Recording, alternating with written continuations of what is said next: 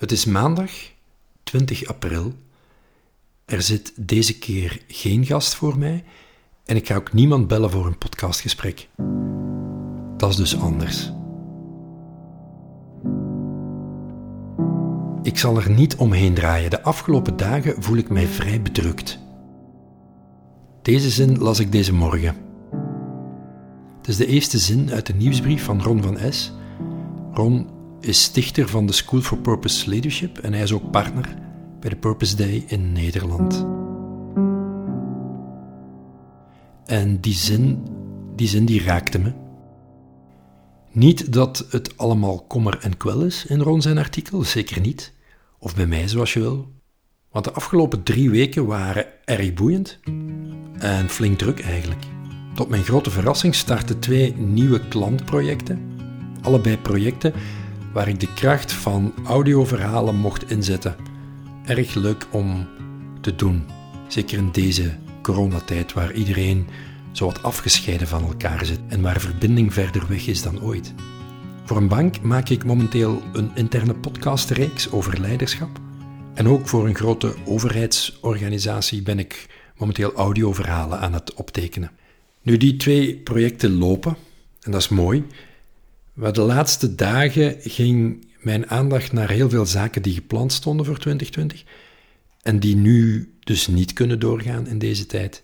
Met leiders en ondernemers ging ik naar magische plekken trekken, op tocht, expeditietocht in Jordanië, in Marokko, in het gebergte in Spanje. Expeditieleiderschap was dat en dat was gepland. Dat viel dus stil en het zal voor, ja, voor wanneer zal het zijn? Het najaar of in 2021? Nog uit het artikel van Ron. Het moeras in mijn hoofd dreigt dan mijn dagelijkse doen en laten te overspoelen. Lastig en in mijn geval ook riskant, omdat ik ook een neiging in mij heb om me daarin te laten vastzuigen. Weinig heeft dan zin, weinig roept om iets toe te voegen of te doen. Wel, check, denk ik dan, herkenbaar. Voor nu dus geen podcastgesprek, geen gewone aflevering van de Story Club podcast. En je vraagt je dan misschien af, wel, Raf, oké, wat wordt het dan? Wordt het nog iets of houden we het hierbij? Zeker niet. Ik dacht, ik lees jullie een stukje uit de nieuwsbrief van uh, Ron van Es. Als Ron het even moeilijk heeft, dan kruipt hij in zijn pen. Dank daarvoor, Ron. En ik kruip dan hier even in mijn opnamekot, mijn opnamestudio thuis. Misschien brengt het verhaal van Ron wat het mij bracht deze morgen, en dat is hoop. Het artikel van Ron heet Het zaad dat valt tussen de rotsen en de bomen die geplant worden. En in het artikel vertelt Ron een verhaal geschreven door de Franse schrijver Jean Ginot. Die leefde van 1895 tot 1970. Het verhaal gaat over een wandelaar die op zijn lange wandeltocht in het zuidoosten van Frankrijk aan het einde van de dag een herder en zijn kudde tegenkomt. Hij besluit bij de herder te overnachten. Het verhaal wordt verteld vanuit het perspectief van de ik-figuur, de wandelaar dus. Daar gaan we dan.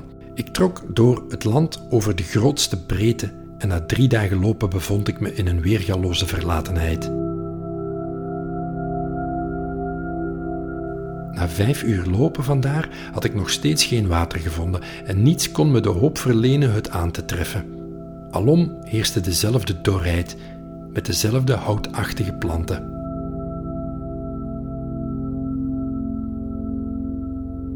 Dan stuit hij op de schaapherder.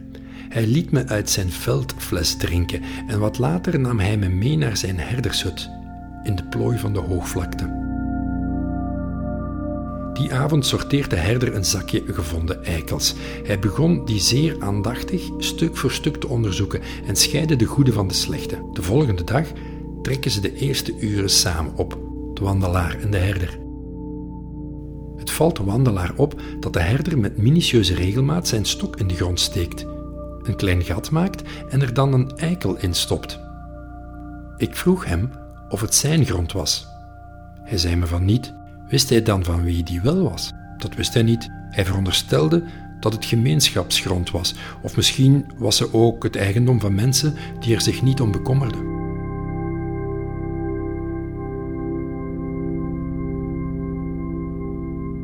Zo plantte hij zijn honderd eikels met uiterste zorg.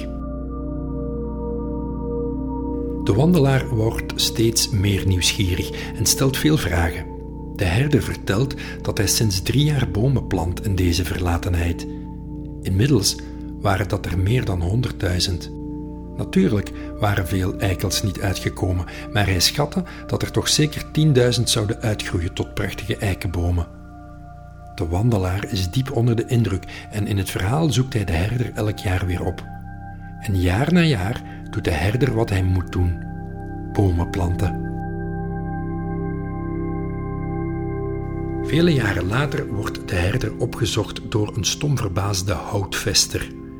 Deze houtvester vertelt over het natuurlijke woud dat er ontstaan is. En zelfs een overheidsdelegatie bezoekt hem om het natuurlijke woud te inspecteren. Dan vertelt de herder dat hij het was die jarenlang elke dag daar de bomen had geplant. Waarom? wordt hem gevraagd. Omdat het nodig was? Deze streek was uitgedroogd, geërodeerd en juist het planten van bomen zou het water weer vasthouden in deze streek. Ik heb de stand van zijn teleurstellingen niet bijgehouden, vertelt de wandelaar in het verhaal, maar het is wel duidelijk dat om iets tot een geslaagd einde te brengen, je heel wat tegenslagen moet overwinnen, dat je, om een dergelijke hartstocht te doen overwinnen, met veel wanhoop moet worstelen, vertelt de wandelaar nog. Het verhaal eindigt tenslotte met deze woorden. Als ik bedenk dat één enkele man met niet meer dan zijn eigen fysieke en morele hulpbronnen voldoende is geweest om dit land van belofte uit de woestenij te doen verrijzen, vind ik dat, ondanks alles, het mens zijn iets bewonderenswaardig heeft. Maar daarmee stopt dit verhaal niet, want hoewel Jean Genot een groot schrijver was en dit verhaal verzon, blijkt het verhaal van de man die bomen plantte ook een verhaal te zijn dat zich in de werkelijkheid heeft afgespeeld. En als je wil weten hoe dat liep, dan verwijs ik je graag terug naar het artikel van Ron, Ron van Es. Ik zal de link vermelden in de beschrijving onderaan bij deze podcast. Ziezo, misschien bracht dit verhaal je iets. Misschien werkt het als een spiegel voor je om dieper in contact te komen met je eigen je eigen persoonlijke verhaal. Want dat is wat verhalen doen. Ze brengen inzichten en laten zaken tot leven komen. Misschien brengt deze podcast je ook op ideeën om binnen jouw bedrijf of organisatie ook iets te gaan doen met verhalen, met de persoonlijke verhalen van je medewerkers. Het geeft mij alvast hoop en voldoening als ik mag geloven dat deze podcast kan werken als een klein zaadje dat vandaag bij jou geplant is en morgen kan uitgroeien tot wie weet een, uh, een mooie boom. Voor nu, blijf hoopvol.